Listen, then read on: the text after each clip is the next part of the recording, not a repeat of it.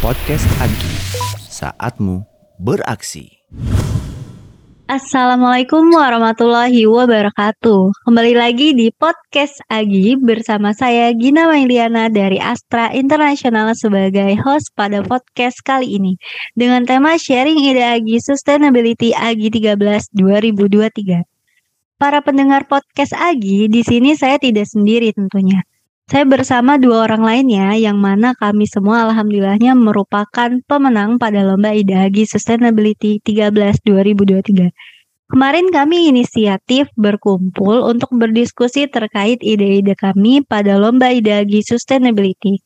Nah, Agi mewadahi kami untuk berdiskusi di podcast Agi supaya terdokumentasikan dan mudah-mudahan juga bermanfaat untuk para pendengar podcast Agi. Baik, supaya para pendengar podcast Agi tahu dengan siapa saja saya akan berdiskusi, boleh perkenalan diri dulu, silahkan Mas Radia. Ya, uh, halo, assalamualaikum warahmatullahi wabarakatuh. Selamat pagi semuanya. Nama saya Radia Fadil, uh, asal perusahaan dari GSI ya PT GSI Global Service Indonesia itu kalau dilihat dari strukturnya dia uh, termasuk salah satu dari grup yayasan Yayasan Karya Baktinya United Tractors ya itu. Untuk di GSI sendiri saya uh, sebagai IT developer ya IT developer untuk penempatan di KPP Kalimantan Prima Persada sebagai pembuat uh, untuk membuat website untuk internalnya kira-kira seperti itu. Oke, terima kasih Raja. Um, boleh Mas Imam? Iya, makasih Mbak Gina. Assalamualaikum uh, semuanya. Uh, perkenalkan, saya Muhammad Imam Mutakin. Jadi uh, saya sebagai karyawan di PT Astra Dasa Motor saat ini di area Sutra Sembilan. Uh, untuk uh, bagian saya sendiri, saat ini saya uh, berada di divisi General Affairs uh, GA. Uh, untuk departemennya di General Affairs Operation. Nah, untuk uh, saya sendiri sebenarnya uh, saat ini sedang diminta untuk mengisi sebuah subsection baru untuk di departemen kami karena departemen kami ini sebenarnya uh, secara bisnis proses itu lebih ke arah preventif atau korektif maintenance terkait dengan building, uh, equipment dan juga facility gitu. Cuman uh, di 2021 itu ada section baru namanya itu BPT jadi Business Process Transformation kita menyebutnya dan kebetulan saya sendiri itu diminta untuk mengisi di uh, subsection System Development. Jadi fungsi saya di situ sebagai System Development yang uh, diminta untuk melakukan beberapa transformasi di bisnis prosesnya GA. Kurang lebih seperti itu Mbak Gina. Oke Mas Imam. Nah, aku mau nanya nih Mas, kalau sebelumnya udah pernah ikut AGI atau belum? Baik itu lomba atau acara lainnya? Uh, untuk event-event yang di AGI baru yang sekarang, gitu, baru yang sekarang banget. Jadi masih newbie nih di AGI, gitu. Mas Imam, apa ya di Astra? Aku di ADM sendiri uh, lagi jalan 9 tahun, dan selama 9 tahun itu masih di GA, belum ke pindah-pindah lagi ke divisi yang lain, gitu. Kalau Radia sebelumnya udah sempet tahu Agi belum? Ya, kalau sejujurnya kalau Agi itu baru tahu itu di tahun ini kemarin ya waktu mau puasa ada itu di masjidnya Pama itu ada kalender Agi gitu kan. Wah, ini apa nih? Awalnya cuma ngeliat buat kalender puasa terus ada Agi terus ngeliat timelinenya ada lomba ada lomba-lomba. Ya cuma tahu sekedar itu aja, tengah nggak lama dihubungin sama Gina itu kemarin tuh ya yang nawarin ngajak ikut lomba itu juga itu sih baru-baru ini pertama baru pertama kali ikut oh. lomba dari Agi dan ini kesempatan pertama kali juga ikut lomba waktu kerja gitu baru ini. Oke, berarti berawal dari kalender ya Rat ya. Sebelumnya udah iya. berapa lama Rat di Astra? Ini udah mau jalan masuk tahun keempat ya. Udah mau hampir empat tahun ya tiga tahun lewat termasuk baru lah masih baru. Kalau tahun lalu belum melihat kalendernya ya? Belum, tahun lalu belum melihat, tahun lalu belum melihat. Berarti kalender sangat berguna banget untuk memperkenalkan Agi. Nah, betul. Kembali ke tema podcast yang membahas ide Agi Sustainability, aku mau tahu nih mulai dari Mas Imam nih. Kemarin Mas Imam itu mendesain ide dengan judul apa ya, Mas? Ya, oke okay, Mbak Gina. Jadi uh, terkait dengan judul ideku sendiri, kemarin memang kan kita berdasarkan guidance dari Agi ya. Jadi temanya itu kan terkait dengan sustainability dalam menuju rahmatan lil alamin gitu. Nah kemarin itu kan ada beberapa subtema ya, ada yang terkait penghematan energi, air, sampah limbah, dan juga pemberdayaan masyarakat. Aku sendiri yang penghematan energi, kemarin itu judul yang disubmit itu uh, implementasi Smart Office Concept pada Masjid Abu Bakar Asidik PT ADM untuk menghilangkan pemborosan dan menghemat pemakaian listrik. Itu sih Mbak Gina untuk judulnya. Menarik ya, uh, gimana tuh Mas cara untuk menghilangkan pemborosan dan cara menghemat pemakaian listrik versi timnya Mas Imam? Oke, oke okay, Mbak Gina. Jadi memang cara yang kita lakukan sebenarnya saat itu kita berawal dari uh, sebuah masalah ya. Jadi gimana kita ngelihat ada beberapa fungsi equipment itu yang menyala tetapi seharusnya tidak tidak harusnya menyala atau ataupun menyala tapi nggak ada orangnya gitu. Jadi saat itu kita coba uh, mikir sih dari kejadian tersebut kita coba uh, analisa kira-kira ide sederhana apa aja yang bisa kita uh, mengcounter soal proses itu dan akhirnya saat itu ketemu uh, sederhana banget gimana caranya tuh uh, eh, AC itu bisa nyala mati otomatis gitu sesuai dengan jadwal yang kita pengen gitu kan akhirnya kita coba cari-cari ketemulah kalau ngomong teknologi sekarang soal otomatisasi AC mungkin terkait dengan teknologi IoT ya gitu karena memang IoT ini sangat kental sekali dengan konsepnya smart office gitu. Cuma nanti IoT ini juga kita kombinasikan dengan perangkat smartnya gitu, perangkat pintarnya. Di mana nanti kalau secara alur kerja sederhananya itu dari perangkat tersebut kita koneksikan kepada uh, equipmentnya dari situ terkoneksi ke internet dan dari sana harapannya kita bisa melakukan beberapa fungsi kayak fungsi telecontrolling, telemonitoring, uh, telemetering dan juga fungsi scheduling. Nah jadi itu sebenarnya planning yang kemarin uh, kita pengen lakukan di ide tersebut. Nah kalau secara sederhananya untuk sistem kerja sendiri kita memakai dua perangkat smart device nyebutnya gitu ya. Nah pertama itu uh, kita nyebutnya uh, smart plug, kemudian ada smart infrared remote gitu.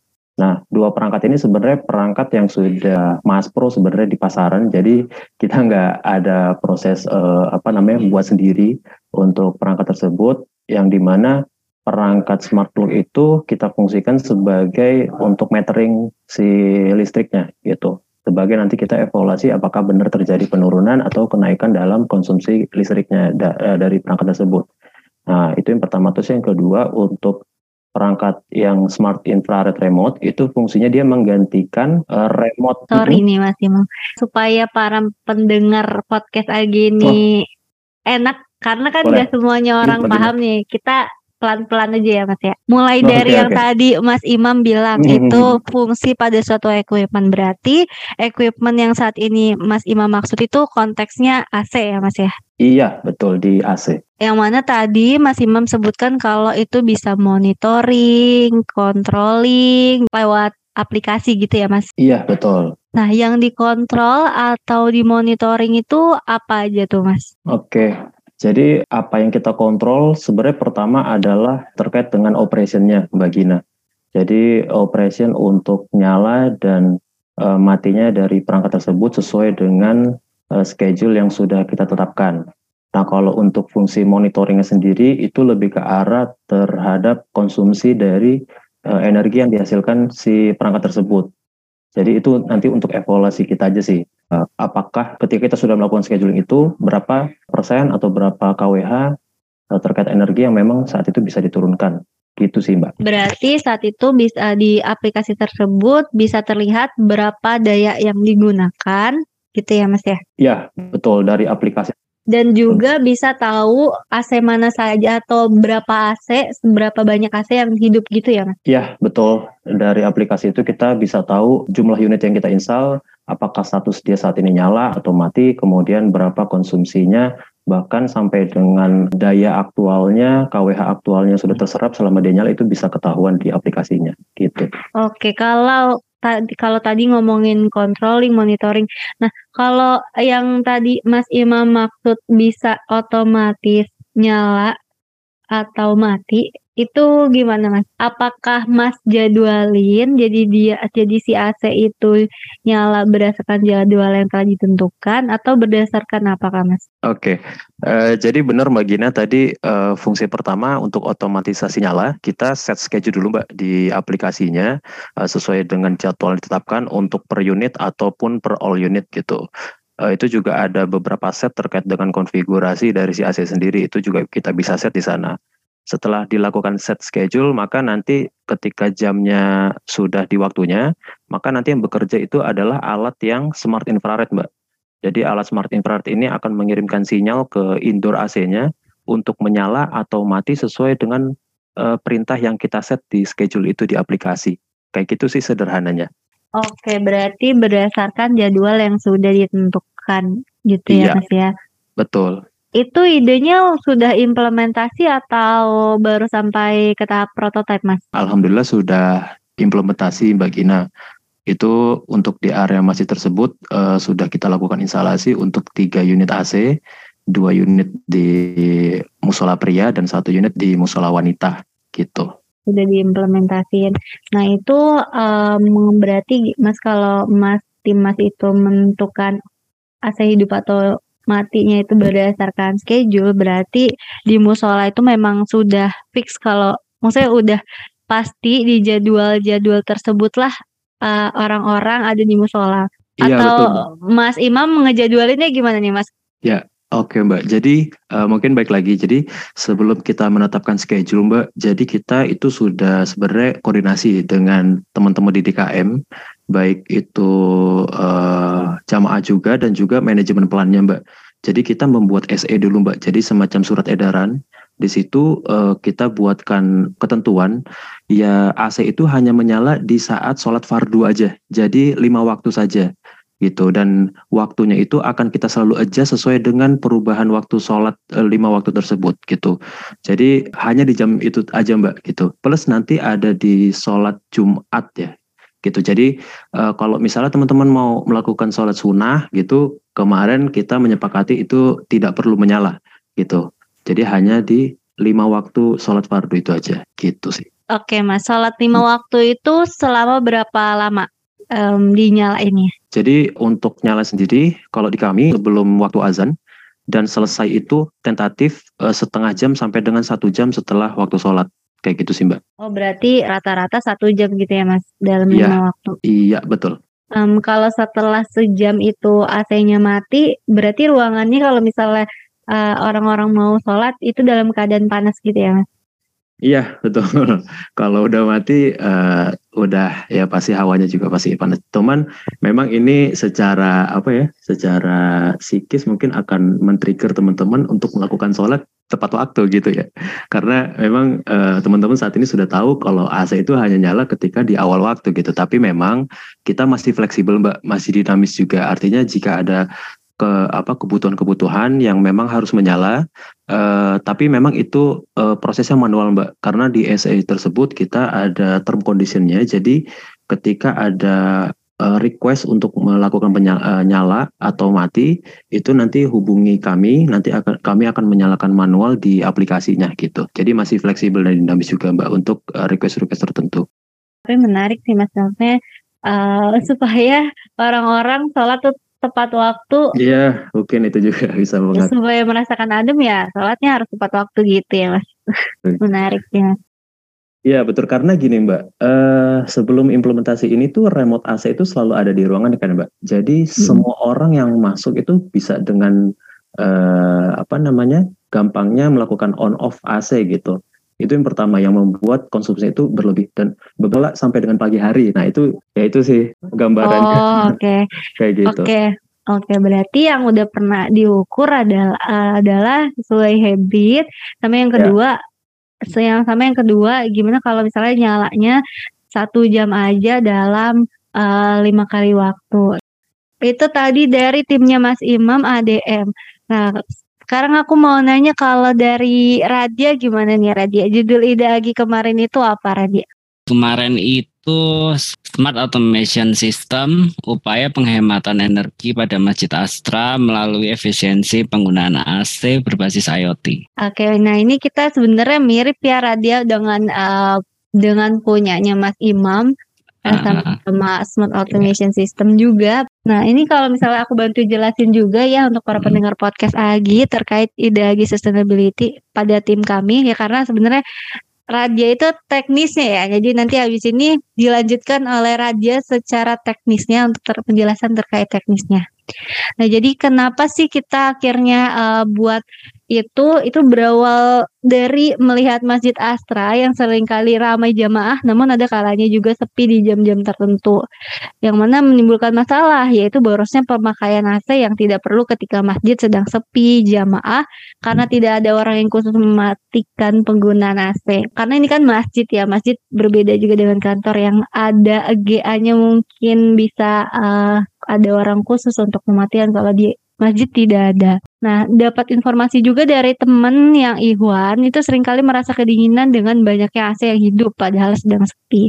Dan aku pun sebagai ahwat sering kali merasa panas karena AC-nya yang mati ya walau tidak terlalu panas kalau berada di sana hanya 10 menit untuk sholat. Nah, sehingga kita menciptakan suatu ide itu yang mana uh, terfokus pada efisiensi penggunaan AC yang akhirnya akan terjadi pengurangan penggunaan AC yang tidak perlu dan dapat mengurangi tagihan listrik yang dikeluarkan dengan tetap menggunakan AC sesuai kebutuhan sehingga Masjid Astra tetap bisa memfasilitasi jamaah dengan area yang masjid yang sejuk ketika ada banyaknya jamaah namun juga tidak boros AC apabila jumlah jamaah berkurang bahkan menjadi sedikit dengan AC yang otomatis hidup atau mati sesuai di, dengan desain idenya.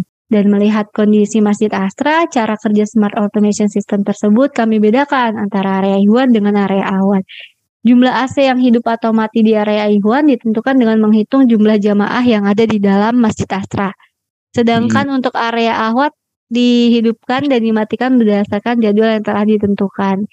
Yang mana kalau jadwal tadi uh, ya berarti yang area Ahwat itu mirip-mirip dengan yang Mas Imam ya Radia, ada jadwal berdasarkan hmm, ya, jadwalnya. Uh, kemarin udah sampai pembuatan prototipe. Hmm. Ya, uh, buat teknisnya prototipe yang kemarin itu kan benar tadi dari yang dijelasin Gina kalau dibagi dua ada untuk area hewan sama area ahwat ya. E, untuk yang ahwat dulu jadi untuk yang ahwat itu memang dibagi berdasarkan waktu ya. Jadi misalkan kita ada contohnya punya tiga AC, tiga AC di area ahwat. AC pertama dia e, dinyalakan aja dinyalakan dari jam 12 siang sampai jam 10 malam. Jadi nanti pas jam 10 dia bisa otomatis mati. Nanti untuk dua AC yang lainnya bersamaan tuh nyalanya jam 6 sore sampai jam ada yang mati jam 8 malam, ada yang mati jam 9 malam. Itu untuk yang ahwatnya ya. Untuk yang area hewan karena ada dari kemarin yang waktu diskusi sama Gina juga itu kan ada dia ada banyak AC ya.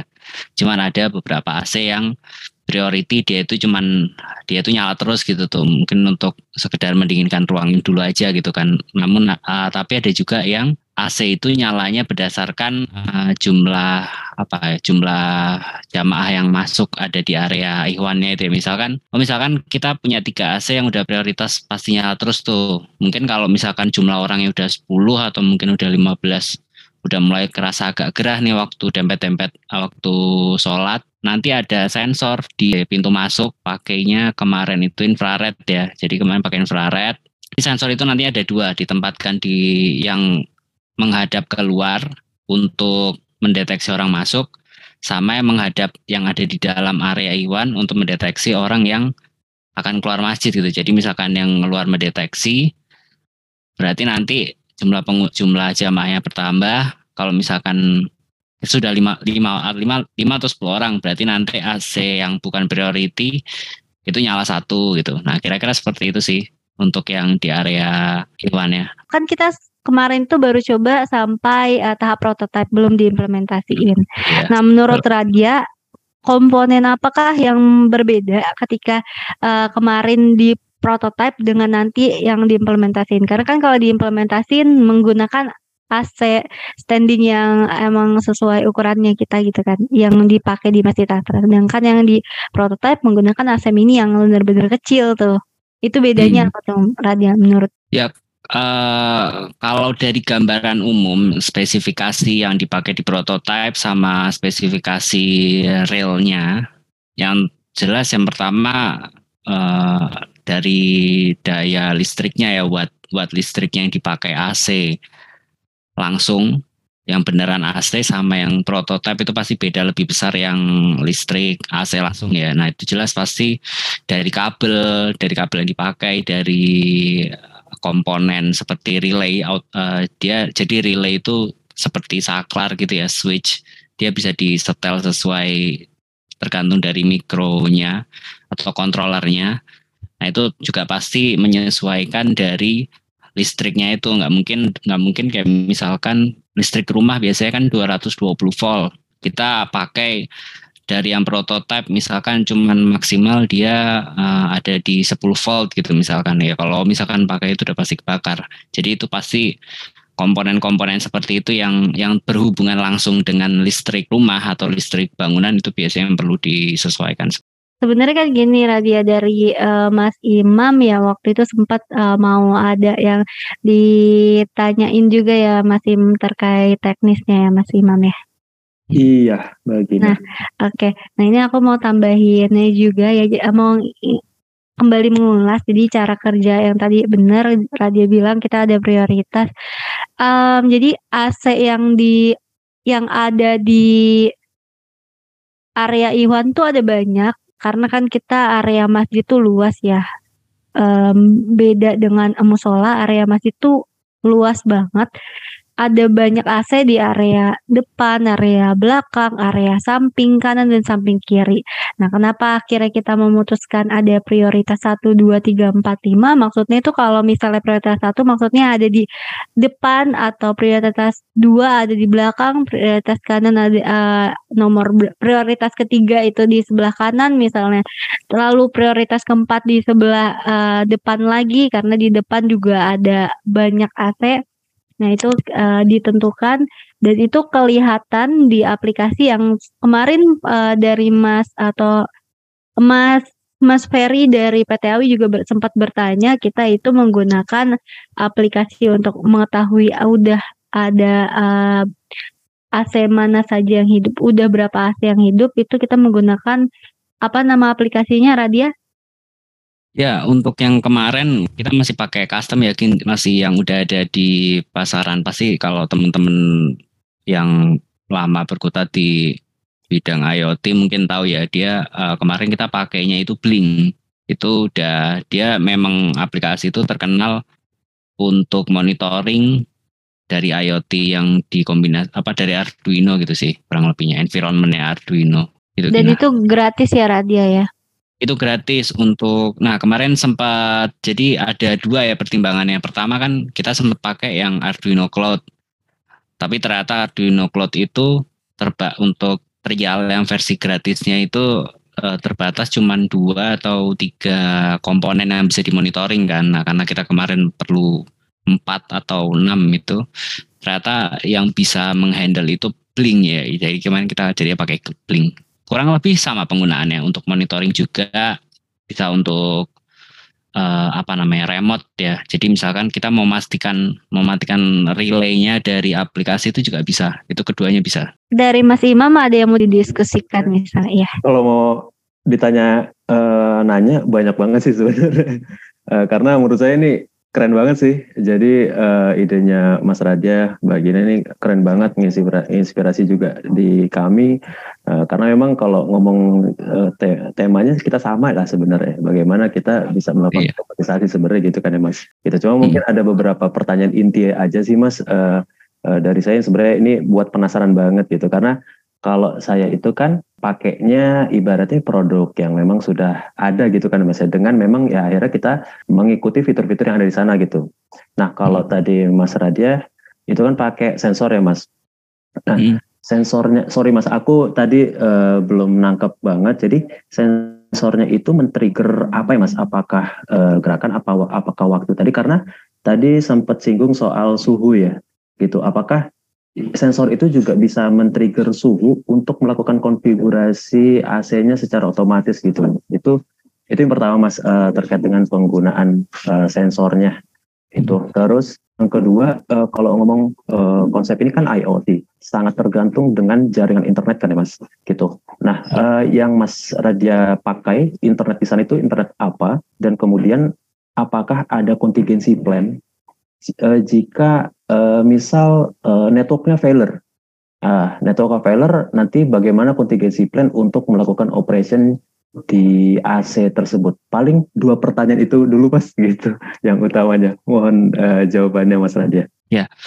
Eh, semoga ini nanti jawabannya membantu ya Mas Imam. Ya, Jadi siap. untuk sensornya sebenarnya bukan eh, bukan ini suhu ya, bukan apa namanya, bukan jadi bisa ngebaca suhu tadi itu.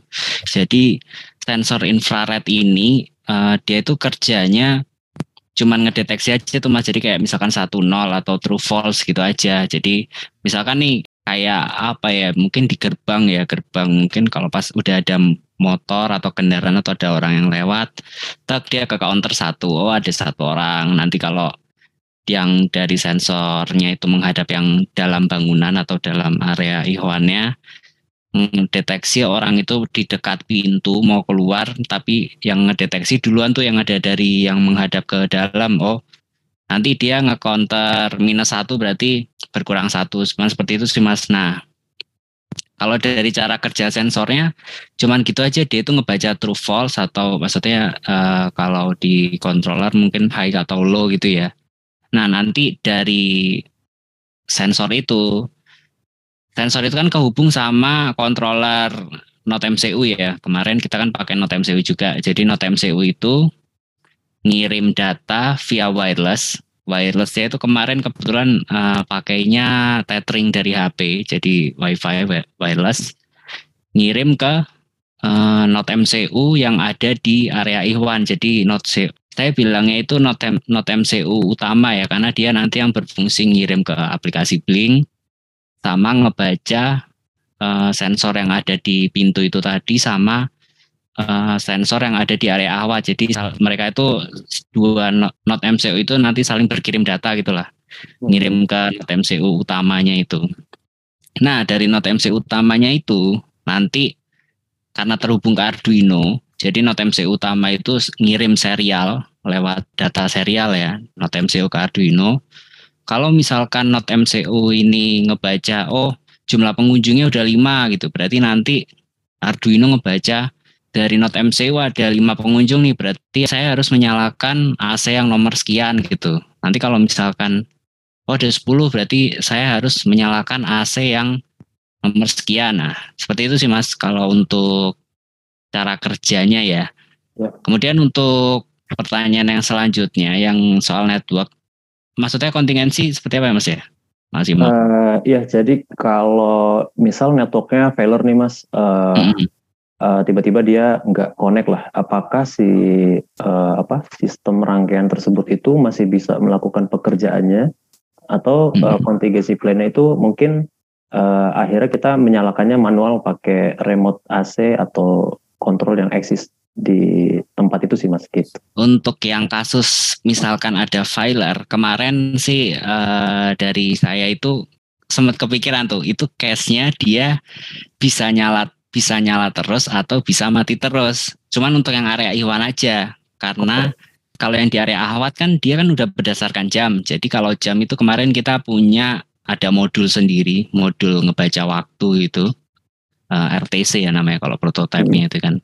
Nah, ngebaca itu cuman datanya dia nggak update aja tuh ke aplikasi Blink-nya itu nggak ke update karena kan misal pengiriman datanya kan mati tuh antara Note MCU utama sama Betul. Note MCU yang di area Ahwat kan mati Eh, apa koneksinya mati. Jadi mereka nggak update aja. Cuman kalau untuk yang area Ahwat dia tetap bisa nyala, dia tetap bisa nyala, tetap sesuai jamnya. Cuman untuk yang area Iwannya dia kemarin karena susunan kodenya mungkin lebih mendahulukan kirim data ke Blink baru nyalakan AC itu. Mungkin nanti kalau dibalik dia bisa sesuai kalau misalkan jaringannya mati dia tetap nyala mati nyala mati gitu aja. Itu sih Mas. Ya ya Mas. Radia eh, maksud aku eh, keren banget sih Mas eh, ininya prototipenya eh, har- kalau harapannya sih ya jadi eh, mungkin karena ini custom gitu kan ya jadi memang masih bisa di adjust dengan, eh, trigger dari beberapa eh, hal gitu ya mungkin salah satunya Mhm. adalah suhu gitu karena memang kita tahu kalau misalnya konfigurasi AC itu juga mempengaruhi terhadap daya si AC tersebut kan semakin konfigurasinya itu yang powerful itu pasti dayanya itu pasti akan semakin ken- eh, b- banyak gitu. Ha, ha. Nah, Ah, jadi pertanyaannya itu uh, dengan konfir uh, prototipe yang sekarang masih memungkinkankah mungkin menggunakan sensor yang berbasis suhu?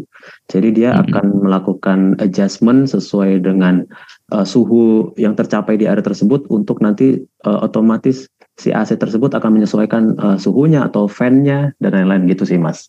Kalau dari prototipe, kalau misalkan Mas Imam bertanya, bisa nggak ditambahkan eh, sensor pembacaan suhu untuk adjustment suhunya atau temperaturnya itu dibilang bisa atau nggak bisa, ya kan? Karena ya kalau misalkan untuk orang awamnya tinggal ya bisa ditanggal tinggal tinggal ditambahkan sensor suhunya, diatur kodenya, misalkan dia oh misalkan digabungin sama yang jumlah orang nih, oh misalkan udah 15 orang, tapi suhunya seharusnya misalkan yang harusnya nyaman untuk sholat tuh misalkan 23 derajat gitu, cuman masih 15 orang, oh kok masih suhunya masih 23 aja, berarti dia nggak usah nyala dulu. Cuman kalau dia naik tiba-tiba jadi suhu ruangannya jadi lebih panas, oh nah nanti sensor suhu itu ngebaca bisa nanti diatur. Seperti itu bisa sih mas. Dengan kalau misalkan prototipe karena kita kemarin pakainya kipas DC jadi bisa bisa diatur aja mau kecepatan fan-nya itu berapa berapanya itu bisa sih mas. Bisa. Ya Kira-kira Mas Radia. Ya semoga ada waktu lagi Mas di luar eh, apa media ini. Nanti mungkin kita Oh, iya. mau tanya-tanya lagi gitu sih. boleh. Ya Kalau kalau bareng kemarin ini sih Mas, apa eh, Mas Imam, kemarin itu kita menyesuaikan dengan keadaan yang ada di Masjid Asra karena emang udah ada AC-nya. Mm-mm. AC-nya pakai AC standing dan kita sesuai kebutuhan kasus yang ada di Masjid Astra. Nah, mungkin selanjutnya bisa ngobrol lebih detail lagi di lain waktu seperti d- eh, yang diinformasikan oleh Mas Imam. Kayaknya butuh lanjutan pertemuan lanjutannya Mas Imam Iya. ya. iya Karena sebenarnya banyak banget yang mau ditanya sebenarnya. Iya. Nah, aku mau nanya ini dong Mas Imam sama Radia, kendalanya apa sih ketika waktu kalau eh, di Mas Imam udah sempat ngeimplementasiin, kalau Radia udah sampai prototipe itu kendalanya apa aja tuh? Oh, Oke, Hmm, kendalanya dalam menyusun eh, improvement ini sebenarnya lebih ke arah faktor eksternal aja sih Mbak. Itu faktor eksternal dan penyesuaian awal ketika kita yang biasanya dulu habitnya dengan senang hati gitu kan, ternyata he- eh, sekarang sudah diatur dengan schedule ya. Memang awal-awal itu ada aja satu dua orang yang ada penolakan gitu kan. Tapi alhamdulillahnya itu bisa di counter sama kita dibantu sama teman-teman DKM ataupun jamaah lain yang memang sudah paham soal improvement ini ya akhirnya sekarang sudah mulai teredam tuh yang kayak gitu-gitu. Jadi udah established lah gitu. Nah terus yang kedua soal kendalanya itu ya tadi eh, pertanyaan saya yang sama juga. Jadi eh, kita kan sangat mengandalkan jaringan internet nih gitu. Internetnya juga jaringannya harus bagus dan lain gitu. Jadi memang kalau untuk perangkat yang kami gunakan itu eh, minusnya ketika internet itu mati maka kan komunikasi data putus nih gitu. Nah jadinya eh, scheduling jadi nggak bisa jalan gitu. Energi tapi kalau energi monitoringnya tetap jalan karena itu ada eh, memori internalnya dia gitu yang bisa simpan sampai dengan beberapa hari ke depan saya lupa gitu. Jadi kendalanya itu sih makanya dalam pembuatan ini kita benar-benar eh, diminta untuk khususnya di internet itu eh, pakai provider yang bagus eh, yang menyesuaikan area tersebut supaya nggak ada up and down terkait dengan eh, jaringan gitu karena memang FYI untuk jaringan internet kami ini kita tidak numpang di jaringannya eh, ADM gitu jadi kami membuat eh, network sendiri network mandiri untuk sistem ini gitu itu sih kendalanya Oke Mas, kalau dari Radia gimana? Kendalanya Radia? Ya, eh, mungkin kalau dari kendala ini lebih ke kendala teknis ya Gina. Mungkin kalau yang kendala umumnya dari Gina lebih tahu gimana di bagaimana di masjidnya langsung gitu kan. Cuma kalau kendala teknis karena ju- sejujurnya karena saya eh, belum belum pernah implementasi nih, jadi cuman baru sekedar il- ilmu di kuliah aja. Nah, mungkin kendalanya takutnya ketika ini nanti diimplementasi ada komponen-komponen yang berubah itu tadi. Nah, saya kurang ngerti ini nih komponen penggantinya itu apa gitu aja sih. Kurang lebih seperti itu sih Gina. Karena belum pernah mencoba daya yang jumlahnya besar ya. Ya, cuma kalau misalkan listrik rumah 220 volt kalau kalau lampu berani gitu. Pernah gitu pernah nyoba gitu kan. Pernah pernah pernah kena kosongnya juga. Cuman kalau untuk AC yang tinggi wattnya itu belum belum pernah Oke, nah, wah tidak terasa nih sudah cukup lama kita berbincang. Nah, sebelum podcast Agi ini ditutup, ada harapan nggak nih untuk Agi ke depannya atau untuk baik itu untuk lomba ide Agi ataupun Agi acara Agi yang lainnya dari Radia ada nggak Radia? Ya, semoga untuk Aki bisa konsisten nih ngadakan kegiatan seperti ini ya lomba atau mungkin nggak nggak lomba aja bisa acara yang lain bisa silaturahmi sama yang lain juga kan kita bisa kenal Om Mas Imam di ADM uh, Gina ada di AI dan dan saya ada di GSI dan bisa saling kenal aja. Kalau dari Mas Imam pesan-pesan untuk Agi untuk ke depannya?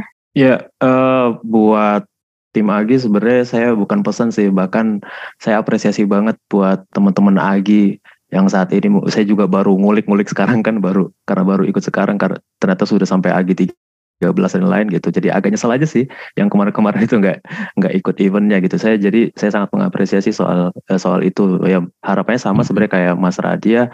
Jadi uh, bisa terus konsisten untuk kasih event-event seperti karena saya rasa ini juga informasi ini saya rasa juga belum banyak diketahui juga sebenarnya sama teman-teman di grup asra lainnya gitu.